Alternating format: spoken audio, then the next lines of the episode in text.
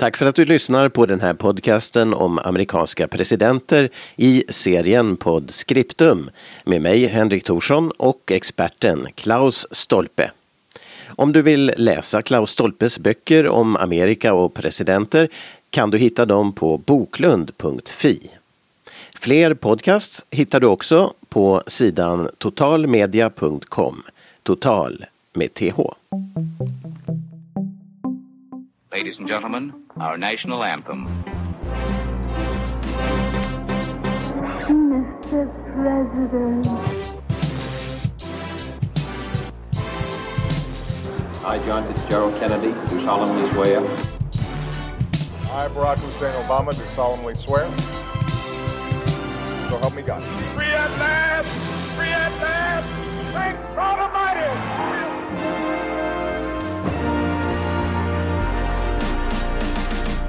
Välkommen till eh, Mr President. Det är podcasten om USAs alla presidenter. Och vi har i 12 avsnitt nu talat om 13 presidenter. Eller snarare, vi ska i detta avsnitt tala om den 13 presidenten, Millard Fillmore. Och med oss har vi som vanligt dubbeldoktor och presidentexperten Klaus Stolpe. Välkommen med. Hej! Tack, hej! Och eh, jo, men förra gången pratade vi om Taylor, alltså skräddare. Eh, den här presidenten som dog mitt i sin presidentperiod och som eh, på något sätt eh, ser, man kan hitta bilder på nätet på Wikipedia ser han ganska trevlig ut helt enkelt. Han har uniform där. Men vi pratar ju om att han var lite sluskigt klädd och så under sin presidentperiod. Och många, det var vissa som inte såg att han var han så att säga. Och trodde han var någon luffare ungefär. Det, och dessutom var det väl så att han hade väl blev anklagad för att ha, dricka rätt mycket. Eller av sina motståndare åtminstone. Eller hur var det med det? Ja, så var det i den där valkampanjen. Men det var, det var rätt vanligt att man att man eh, liksom slängde... Smutskastade. Ja, precis. Och det är det ju än idag. Så att det, men att det där har ju långa, långa traditioner i USA. Men att, att det finns väl egentligen inget belägg för att han skulle ha varit speciellt intresserad av brännvin för att om man, eller alkohol överlag, utan det som finns dokumenterat om hans då lastar eller vad vi vill kalla det så var att han, han hade en fäbless för tuggtobak och jag har ju då en väldigt kraftig salivutsöndring att hålla på med sånt om jag förstått saken rätt. Och han, han ska då ha haft namn om sig att vara synnerligen träffsäker med spottlåskan. Okej, okay, just det. Ja, det var han. Och, eh, men eh, det var så tog han och åt eh, mat på självständighetsdagen eller på deras nationaldag ehm, och blev matförgiftad alltså och dog alltså mitt under sin presidentperiod. Och då kommer hans vicepresident och träder in. Millard Fillmore, vem var han? Hörru, det var en karl som var ganska svag han hade blivit nominerad som vicekandidat så som det nog ofta blev för att liksom balansera eh, valsedeln. Det vill säga det är ofta så att de väljer någon som kanske inte alls har samma åsikter som den här huvudkandidaten utan kommer från någon helt annan del av landet eller någonting sånt för att helt enkelt locka fler röster. Men den här Fillmore så var väl att om vi tänker oss som så då att Taylor ägde slavar men var väldigt mån om att, att hålla ihop unionen till varje pris. Fillmore var slaverimotståndare men, eh, men man kan väl säga att han krusar för de här sydstaterna, slav, slaveriintressena ganska, ganska mycket och uh, var mm. villig till kompromisser och eftergifter och det, det där föll inte ut väl så att han, han anses nog som en av de alltså absolut sämsta presidenter USA har haft. Jag menar, jag har till och med sett eh, i sådana olika undersökningar så jag tror att han till och med kommer på allra sista plats i, i någon av dem. Att det, det, det, alltså. det gick inte bra helt enkelt. Men nu är han ju vald utan att ha blivit vald, att han träder in i tjänsten. Och det, det har vi eh, mött tidigare också, att det inte var så lyckat alltid eh, i den gång det har hänt förut eh, vad jag förstår. Att det är ju ganska svårt att ta över och vara lyckad president när man inte har blivit vald till det, eller? Det, det är det för att, att det, det brister i sådär legitimitet. Mm. För att inte har vi valt dig inte, utan du, du har bara åkt snålskjuts här och kommit in på rockskörtarna helt enkelt. Men att eh,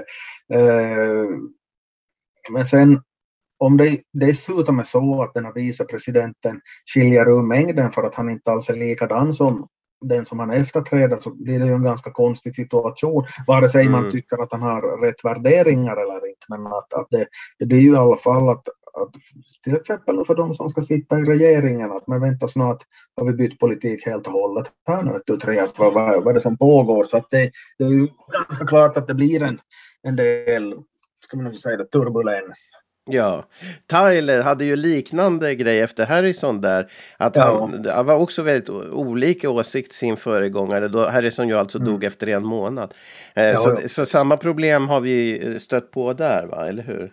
Jo, jo, jo, jo nej, men så, så är det ju. Vi kommer att stöta på det längre fram ännu tydligare då, då, då Lincoln dör. Så att det, Mm. det, som det kan, kan hända lite vad som helst. Men alltså, vad, vad är det då man, man säger att Fillmore var en av de sämsta presidenterna och kanske den sämsta? Vad, vad är det som... Vad, vad är det för saker som har hänt då? Alltså det, det, som, det som han är ihågkommen för, så ett lagpaket som heter The Compromise of, of 1850, alltså en kompromiss eh, 1850, det vill säga samma år som han tillträder. Mm. Och eh, det är då ett, ett lagpaket som innebär bland annat att Kalifornien tas med i, i unionen, unionen som delstat utan att man får ha slavar där. Det är nu ett exempel. Sen är det också att man får ha slavar i huvudstaden. Ju- Washington DC ligger precis på gränsen mellan nord och syd. Och Ja, det, det finns liksom en, en, det finns, det finns alltså en, en, en uppsjö eller en hel del lagar som ingår i samma paketet. Men det som överskuggar allt annat så är inte de här grejerna som jag nyss nämnde eller någon annan punkt heller utan det finns en, en lag som heter Fugitive Slave Law som Mhm. som innebär att myndigheter i norr förväntas bistå vid infångandet av förrymda slavar för att det börjar finnas en och annan förrymd slav och, och ut, krasst uttryckt så i södern så vill man ha sin egendom, egendom tillbaka och, Mm. och nu då så, så, så blir det en sån här bestämmelse att, att, att man, man i norr måste, måste hjälpa till i jakten på de där. Det där så är väl kanske lite svårt för oss att, att förstå vidden av. Därför att eh, när det skulle vara en sak ifall allihop skulle vara slaverimotståndare i norr, då skulle man förstå att de blir jättearga. Och då skulle man kanske inte ha, ha infört den där, våga införa den där lagen heller, det vet vi ingenting om, men man kan spekulera. Men grejen var att vi ska tänka oss på den där tiden så de flesta så levde där de föddes och, och man Mm. rörde inte på sig så mycket. Men att, så att i norr så såg man väl rätt långt mellan fingrarna med slaveriet. Även om man tyckte att det var fel så, Mm. så brydde man sig inte kanske aktivt i det hela.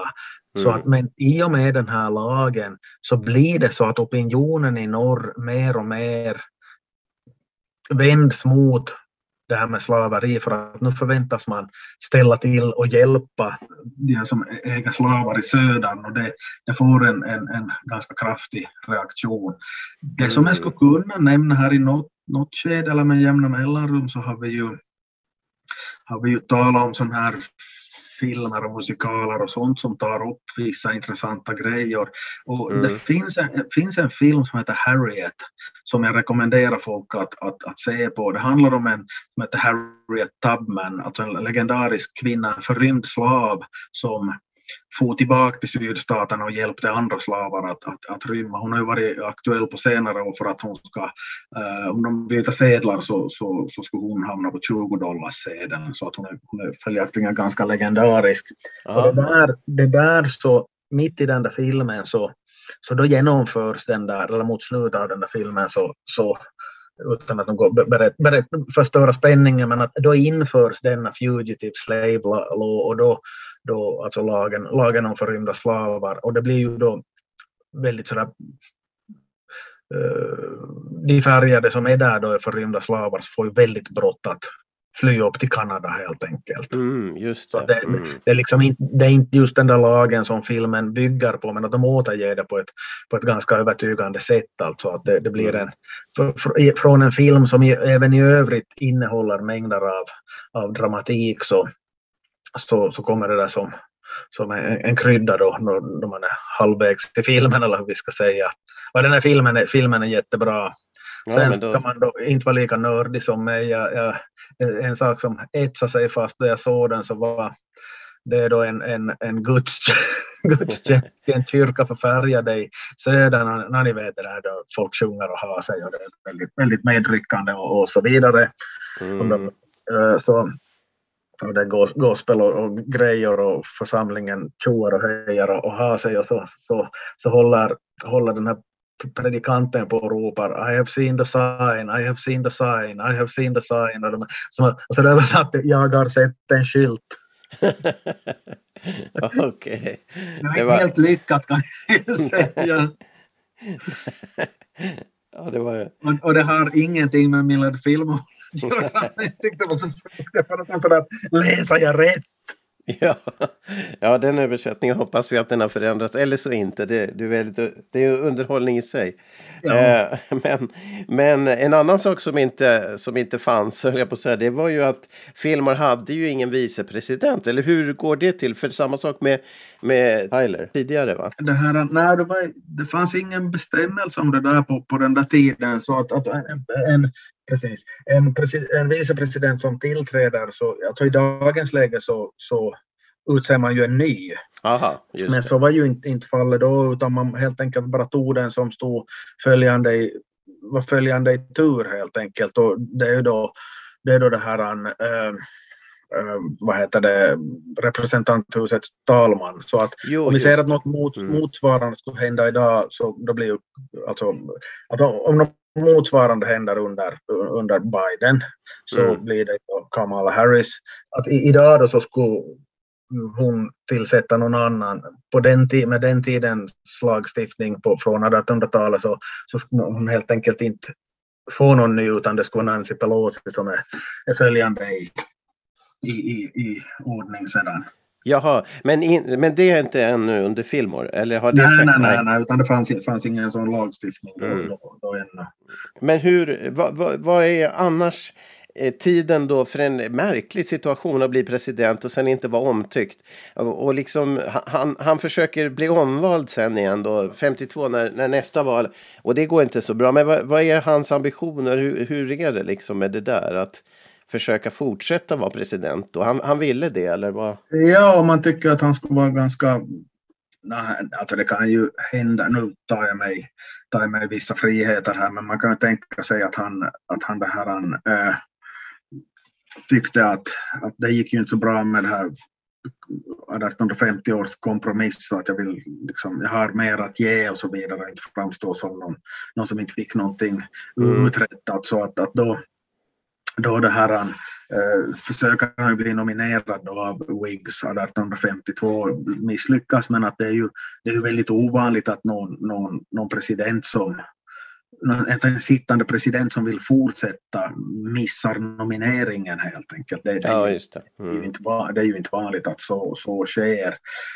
Senast det har varit nära att hända så var väl, för, det här brukar folk inte känna till, men att, att eh, 1976 så hade ju då Gerald Ford varit president en väldigt kort tid efter att Nixon hade avgått.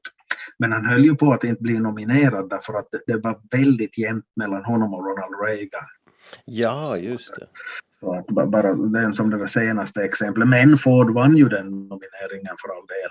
Men Mm. det här med, med filmer är ju, är ju speciellt även då efter att han eh, lämnar presidentposten, inte då 1852 egentligen för hans vidkommande i och med att han inte blir nominerad, men 1856 så, så ställer han upp då är han faktiskt presidentkandidat för att det finns ett, ett, ett nytt parti som heter American Party som kallas för No Nothing Party egentligen. Jaha. Och, eh, och då, då väljer de honom som, som, som presidentkandidat 1856 och eh, han vinner inte i en enda delstat men men det är väldigt speciella att han får över 20 procent av rösterna och det är ju, han blir alltså på, kan komma på tredje plats då. Och det är ju Mm. fullständigt unikt att någon, att en som kommer bli trea får, får så mycket får så mycket röster helt enkelt. Mm. Det, det är ju, jag menar, rösterna brukar ju fokusera kring två kandidater och, och, därmed jämt och sedan ströröstar till någon, någon utfyllnadskandidat.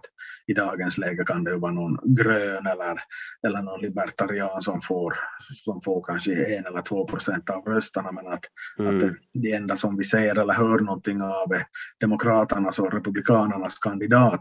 Mm. Men att den här Millard Fillmore ställer upp för de där som kallas för No Nothing, det är en, det är en ganska konstig, konstig gruppering så tillvida att, att de är, den är väldigt antikatolsk och sen är den väldigt invandrarfientlig för att man tycker att det börjar komma för mycket folk. Vi ska komma ihåg att USA växer Mm. väldigt mycket vid den här tiden.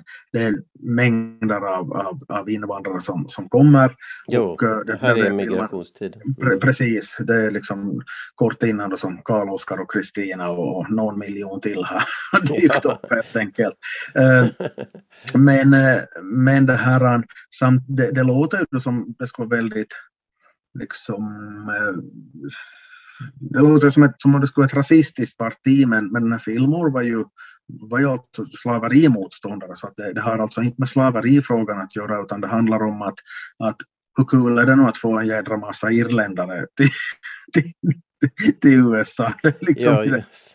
så att det är ju lite, lite, lite, lite speciellt men Men, men slaverimotståndarna fanns också i det partiet. Det fanns de också som sen lämnade också, det här. jo, jo, också, men att det var ingen, det, det var ingen grundbult för det där partiet. Nej, det. Så Mm. att, att, eh, att det, det är nämligen så att just det där parti, Fillmores parti, så det är ju klart att redan att han är kandidat så, så gör ju att det kommer en del röster från, från slaverimotståndare. Men de hoppar rätt fort över till Republikanerna för att de inser att, att, att det, det är där som framtiden ligger. Att om man inte vill ha en demokrat på presidentposten så, så att de här No Nothing-parti har inget att hämta så att folk, folk går över till Republikanerna istället.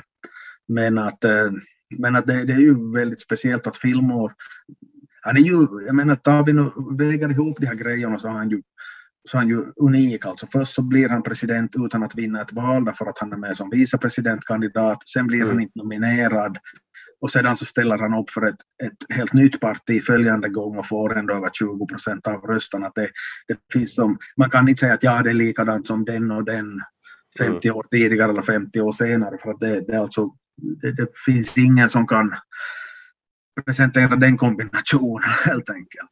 Nej, precis. Och det här att han inte blir nominerad, det kanske du sa, men det, det hänger väl ihop med att han var inte ur de leden egentligen Ja, i det- Whigs, det- utan han var en, en, en balanskandidat i första Ja, kön. precis. Att han var ju sån här, nå- någon som aldrig var tänkt att bli president helt Mm. enkelt. Ja, just det. Men att han sen får 20 procent i valet senare, det, det kan ju koppla också till att han har varit president, att han är känd alltså. Eller? Jo, jo, för att han behöver ju inte berätta vem han är helt Nej, enkelt.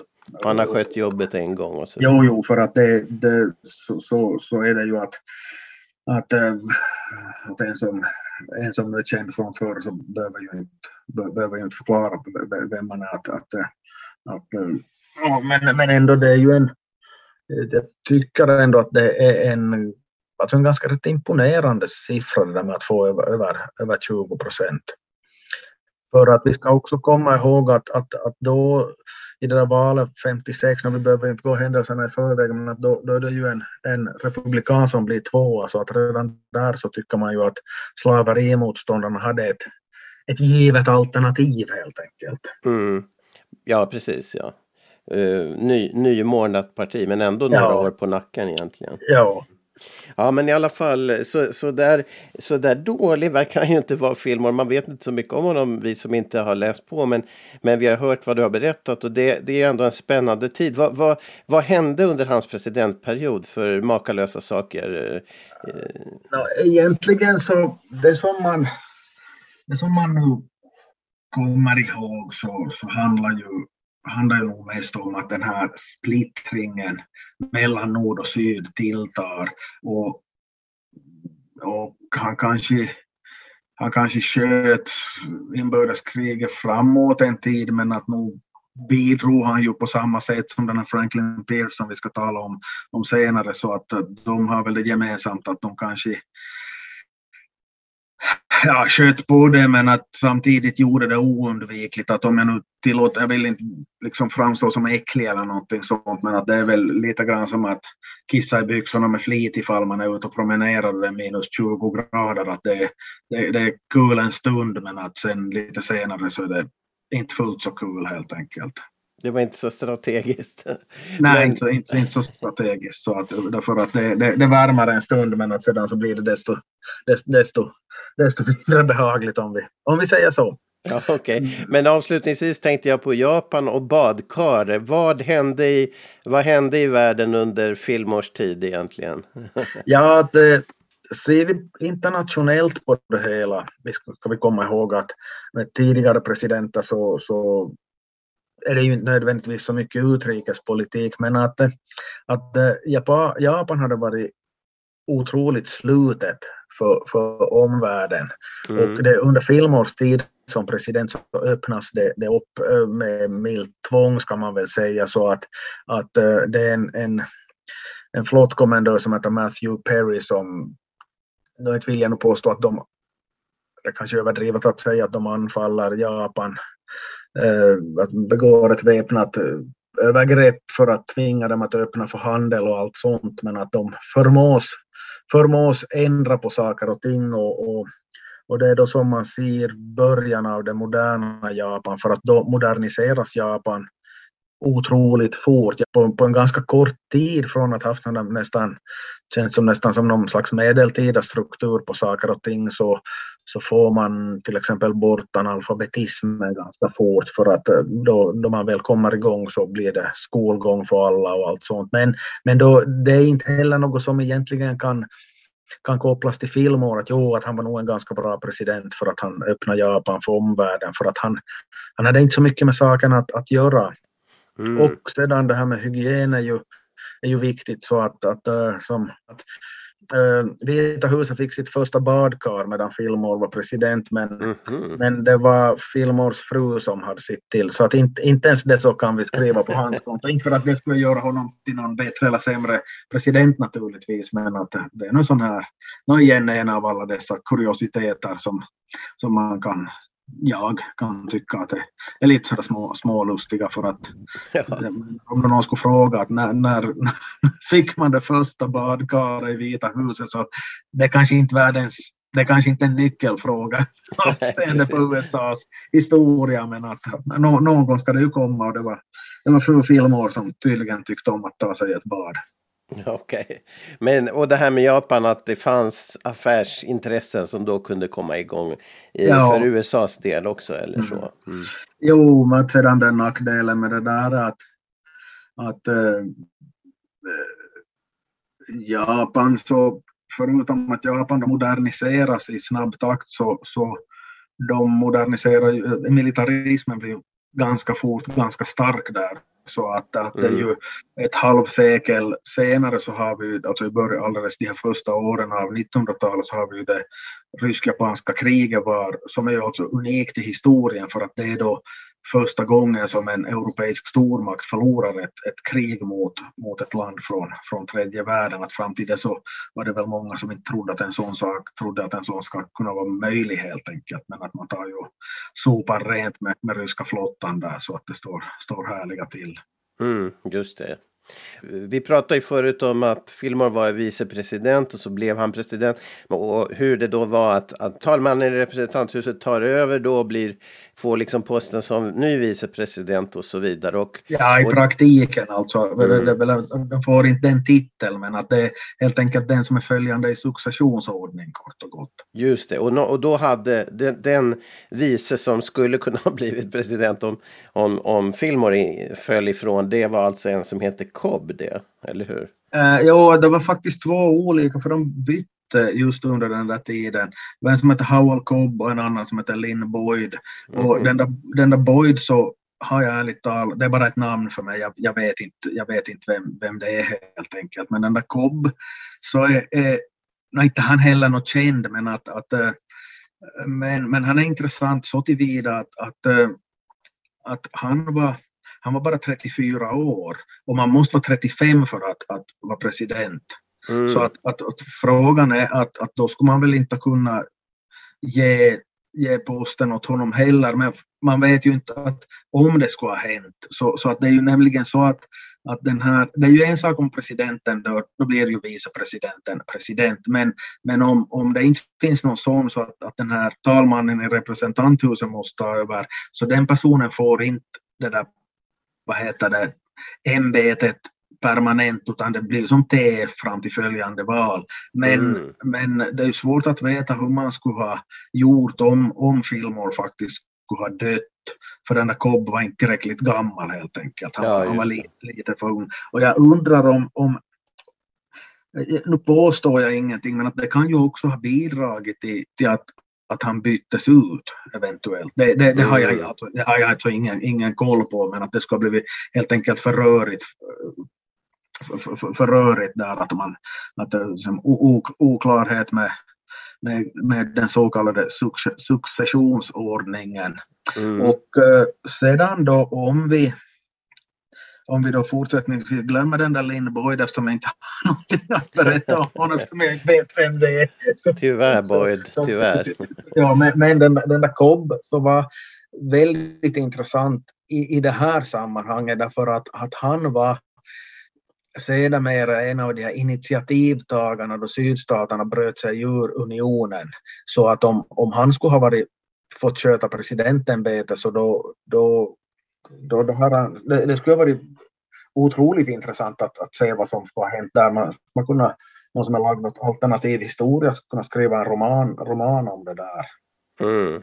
Så att det, var, när att det var då sydstaterna bröt sig ur så innan de, innan de valde liksom formellt en egen kongress eller så hade någon sån här eh, tillfällig tillfälligt parlament eller hur vi vill kalla det, till, till, tillfällig riksdag eller tillfällig kongress så var det han som, som höll i ordförandeklubban till och med så att, att det var någon som hade hade viss politisk, eller vadå viss, han hade, måste ju haft en ganska stor politisk tyngd Mm. tyngd där i, i början åtminstone. Sen hans vidare äventyr under inbördeskriget så känner jag inte till att jag vet inte om han höll lägre profil sen eller vad det var frågan om. Men att just i det här initialskedet så det, där dyker hans namn upp.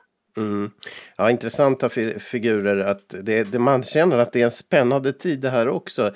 Trots att det är då lite svacka i presidentkvaliteten så finns det mycket intressanta människoöden att följa här. Absolut, Eh, ja, jo, absolut, absolut. Och, och innehållsrikt också. Lynn Boyd har jag slagit upp lite. Jag ska bara nämna att han är då anhängare av president Andrew Jackson var han. Och sen var han faktiskt en av dem som manövrerade igenom godkännandet av annekteringen av Texas Jaha, i kongressen. Men han var ju, som du sa då, alltså, han var ordförande i, i eh, USAs representanthus 1851 till 55.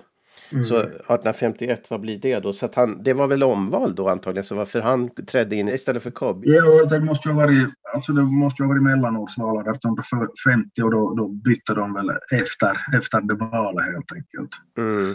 Så att Cobb var där bara på, på hösten och, och hela som fram till bö- början av 1851 helt enkelt. Så att i, rimligen i, i mars, har de, mars 51 har de, har de bytt.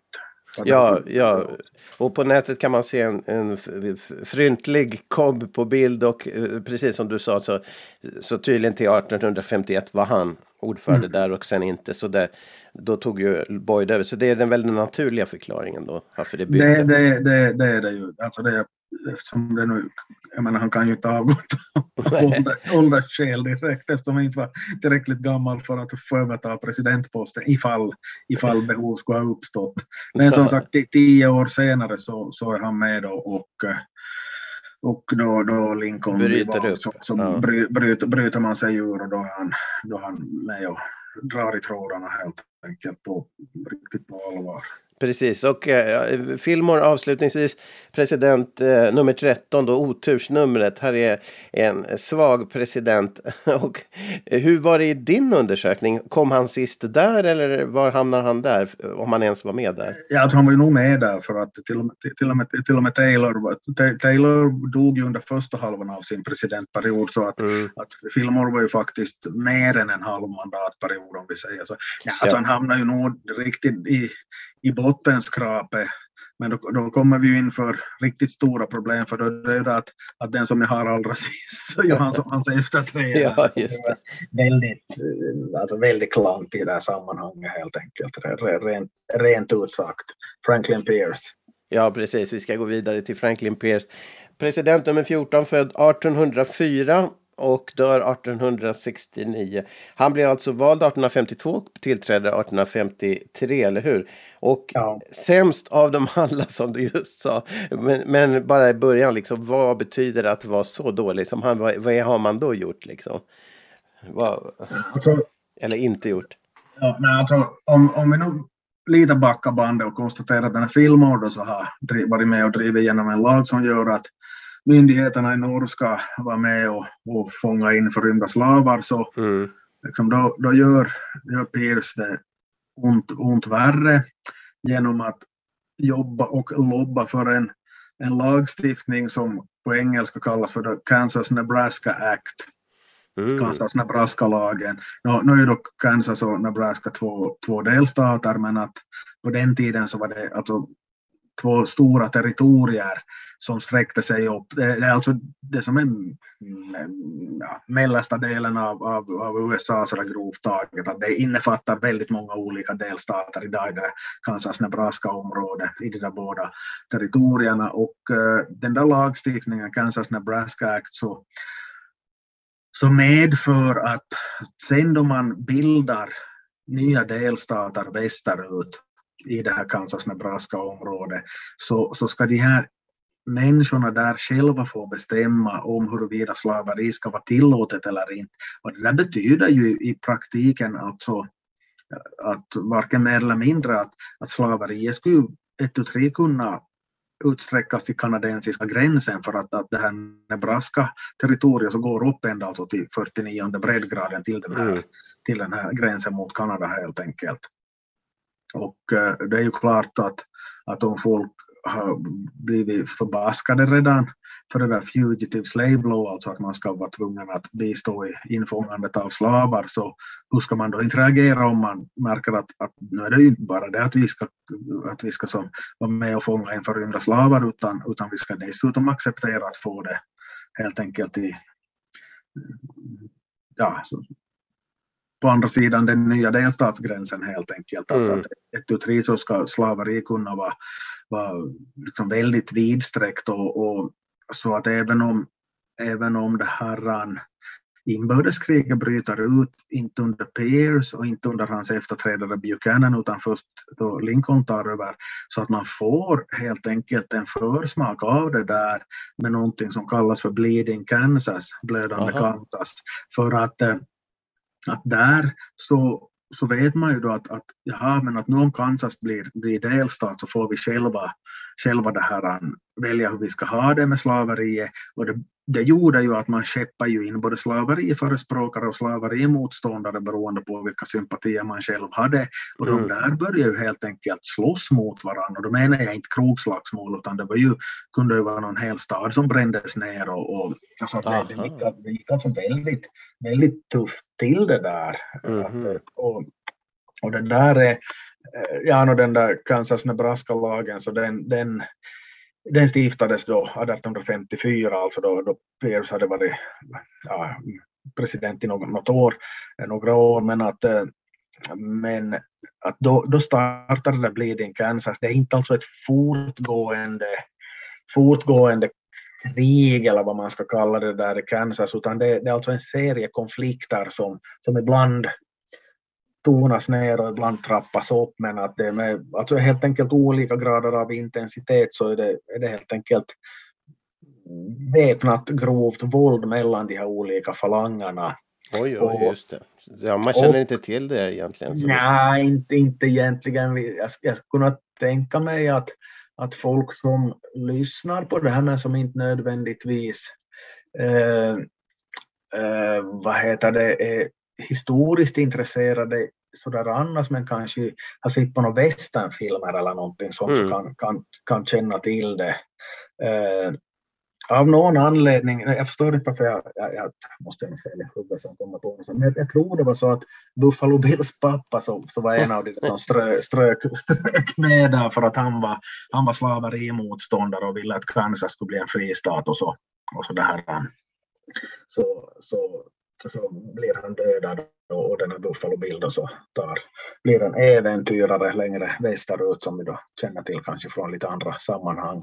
Mm. Men mer, mer väsentligt för, för nu, med all respekt för Buffalo Bills pappa så är det kanske inte det mest väsentliga just det här sammanhanget. Mer väsentligt är att, att det är nu som republikanska partiet grundas. Alltså mm. det, det, är alltså samma, samma år och det är ju det är ju knappast en slump för att då, då tillspetsas den här frågan så pass. Och vi ska komma ihåg då att, att republikanerna så ville inte förbjuda slaveri, de ville tillåta det där det fanns från förr, men det skulle förhindras i, i nya delstater. Och det är ju, så att det är ju redan om man känner till det där blir det en Kansas så kan, skulle man nästan kunna gissa sig till republikanernas födelse eller tillkomstår just på, på, på basen av, av, av det där. Att det, det, är ganska logiskt att republikanerna grundas just då, att då, då enar sig de här som konstaterar att de måste liksom sätta ner foten för annars kan vi fasen ha slaveri upp till kanadensiska gränsen helt enkelt. Mm, just det, okej. Okay. Så inte, inte striderna i sig kanske i Kansas utan snarare den här lagförändringen? Eller jag tror lagförändringen men sedan då så såg man ju liksom den här, den här dramatiken till tillspetsas ju av de, av de där striderna, men att, att, att för det är klart att utan den där lag, lagen så skulle inte de striderna ha kommit heller, men att det är nog mm. som Kansas Nebraska Act så, så kan nog sägas ha en väldigt stor, stor andel i att detta parti ser dagens ljus. Ja, ja precis. Ja. Dessutom var han väl, eh, eh, ja, till skillnad från vad, vad vi pratade om Taylor förut så är, den här mannen hade lite mer intresse av dryckenskap, eh, drycken, dryckerna så att säga, de starka dryckerna. Ja, det, det, det är väl ganska väl, väl dokumenterat att han, han söp en hel del och det var inte något ovanligt på den här tiden, det ska man väl lägga lägga till också. Men, mm.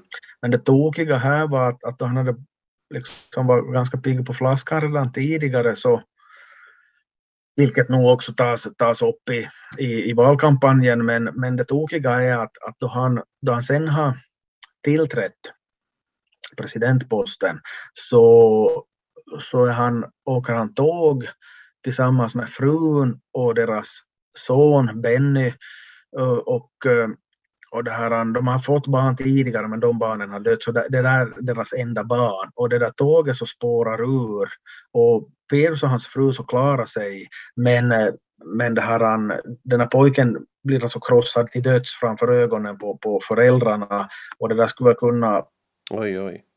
kunna det här, ta koll på förståndet för vilken människa som helst självfallet. Mm. Och det här var inget undantag för att uh, den här fru Pierce, så, liksom hon, det fanns några psykologer eller något sånt på det. Så folk, folk fick ju inte den hjälp de behövde helt enkelt. Mm. Så att hon, hon liksom satt och skrev brev till det där avlidna barnet och massa sånt där och, och började fundera på att det kanske nog var Gud som ville det så att, att maken skulle ha lättare att fokusera på presidentämbetet och så, så vidare.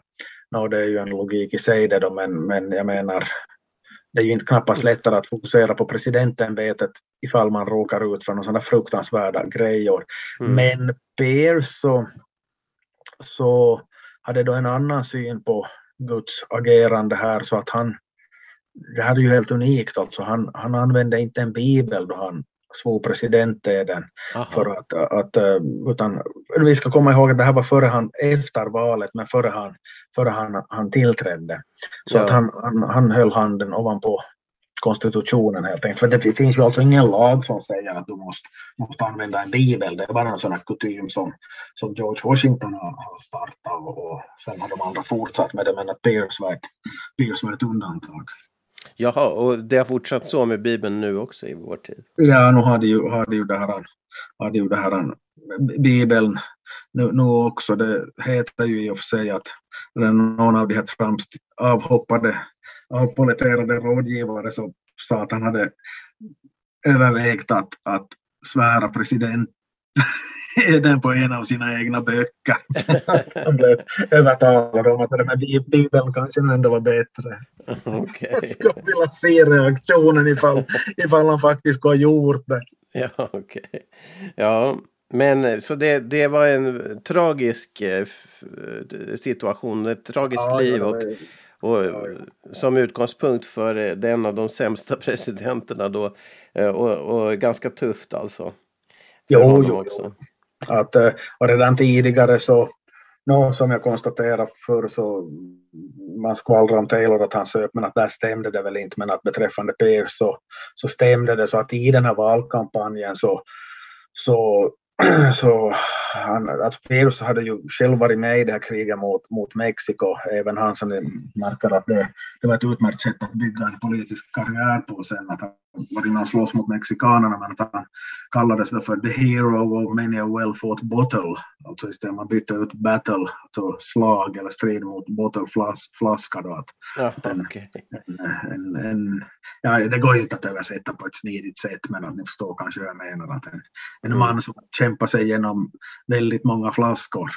Ja, ja, precis. O- Oerhört dålig översättning men jag kommer inte på någon bättre. Det är det är ju ofta väldigt svårt att sån här översätta sådana här mer humoristiska formuleringar för att det är liksom Vissa ord, det blir en annan nyans i ett annat språk helt enkelt. Jo, så är det ju. Eh, Men han, eh, så att han, han blir, eh, hur går det sen när, hans, när det är nytt val? Försöker han komma vidare då igen?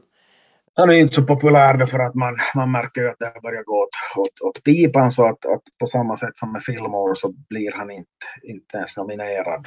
Efter Så- sin första period, ja. Just Nej, det. precis. Mm. precis. Då är ju ändå skillnaden att Pierce har ju faktiskt blivit vald på egen hand. Ja, just det. Fillmore inte, inte blev det.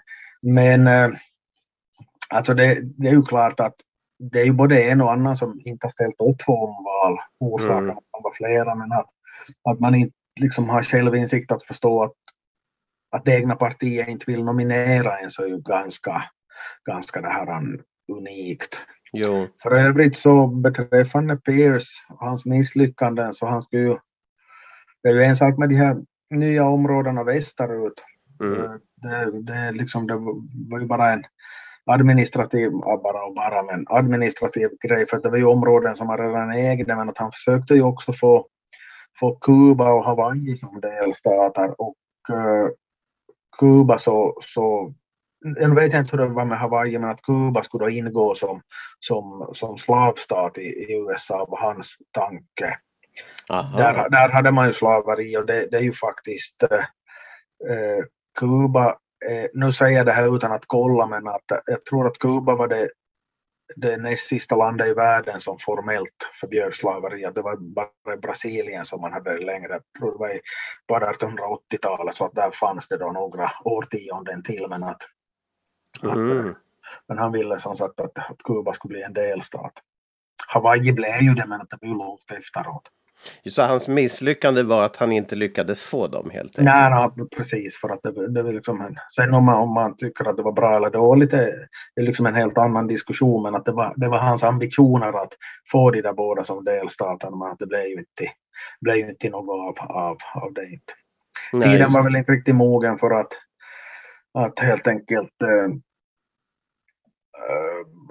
an, utforma delstater u, utanför det här egentliga, ska vi kalla det fastlandet helt enkelt. Mm, just det. Ja, men eh, så, så Pierce, i din undersökning hamnar han allra sist av alla presidenterna, så är det. Och eh, på andras, i andras undersökningar lika så lågt alltså, eller hur? lågt är han ju alltid men att, att eh, man kan ju se saker och ting från lite olika sätt men att att Mm. just, just Pierce och även Fillmore och för all del även James Buchanan så, som kommer sen så var, så, så de, de är nog alltså kroniskt så ligger de risigt till. Mm. Det var dåliga tider innan Lincoln. jo, att, att under den där, för att det var ju också, det kom dåliga presidenter även efter Lincoln så att de hamnade nog helt i hans, hans skugga. Mm. Så att, att det var, ja, det var ju i och för sig sådana tider också så att, att frågan är ju att, att, att eh, skulle, att vi kan ju aldrig veta att skulle någon annan ha lyckats bättre, att, att om, om Pierce inte skulle ha blivit president 1852, att den som skulle ha kommit istället, skulle den personen ha klarat det bättre eller skulle det ha blivit, blivit det här ännu sämre. Men att, för det är ju det att vi har den historia vi har, det är väl ett uttryck som jag använder i varje avsnitt antar jag, men att, eh, att det, det, är ju, det är ju lätt att peka finger, men om det är någon som nu som nu helt enkelt gjorde inbördeskriget oundvikligt så skulle jag väl säga att Pierce var snäppet värre än både Buchanan och, och, och, och det här Fillmore. Mm, Okej. Okay. Men han, han försökte liksom kompromissa sig fram och få ordning på eh, det, tvisten kring slaveri och allt det där. Men, men alltså menar du att hans försök egentligen ledde oundvikligen mot det där kriget i själva verket? Jo, jo, jo, för att just den här Kansas-Nebraska Act, så, mm. så, då, var liksom, då, då var det, det var nog ett, ett viktigt vägskäl helt enkelt. Och mm. även om han, var, han kom ju från norr, men han att han, han hatar ju, formligen hatar de här abolitionisterna, alltså de som ville, abolish, att de som ville få bort slaveriet och ansåg att, att eftersom det står i konstitutionen, alltså grundlagen, att, att det här slaveriet tillåtet så, så, så kräver det att slaveriet ska skyddas helt enkelt. Mm -hmm. Och, mm.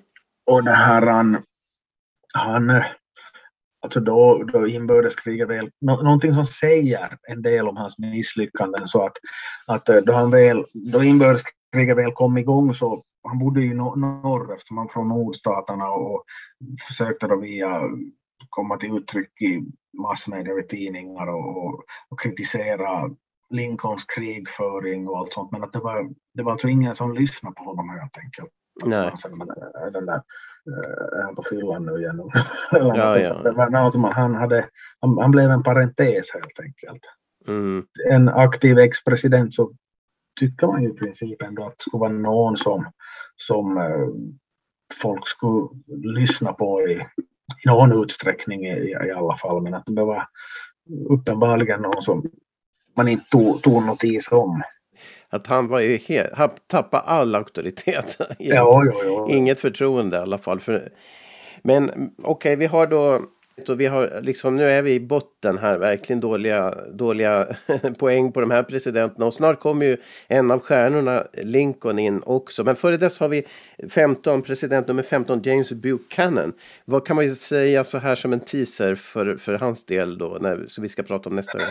Det som man kan säga var att han hade varit alltså landet blev ju mer och mer splittrat. Och Buchanan så, så har varit utomlands under de här åren som ambassadör. Och det, det bidrog väl till att, att han kunde aktualiseras för presidentposten. För att till skillnad från många andra så har han ju inte lyckats skaffa sig en massa fiender via inrikespolitiken eftersom han helt enkelt inte hade varit där.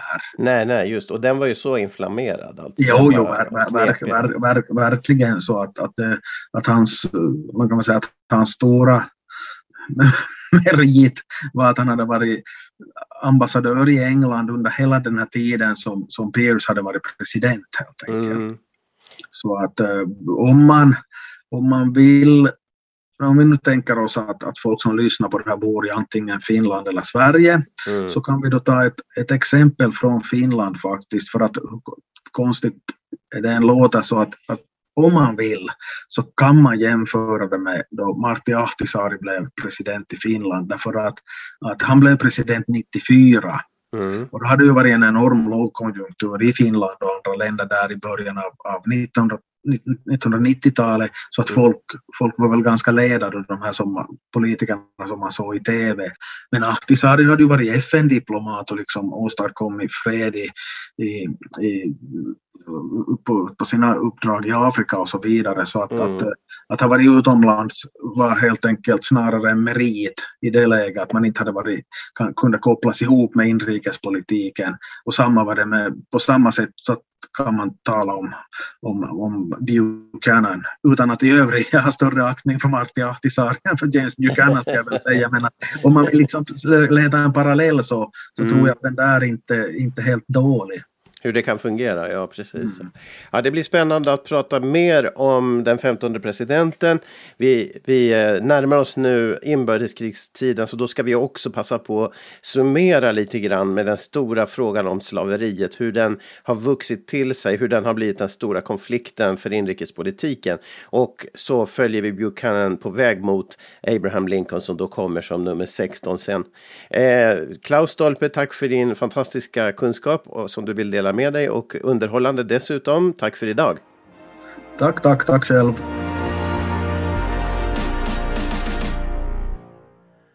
Du har lyssnat på podcasten Mr President och du kan hitta fler avsnitt och andra samtalsprogram på sidan totalmedia.com.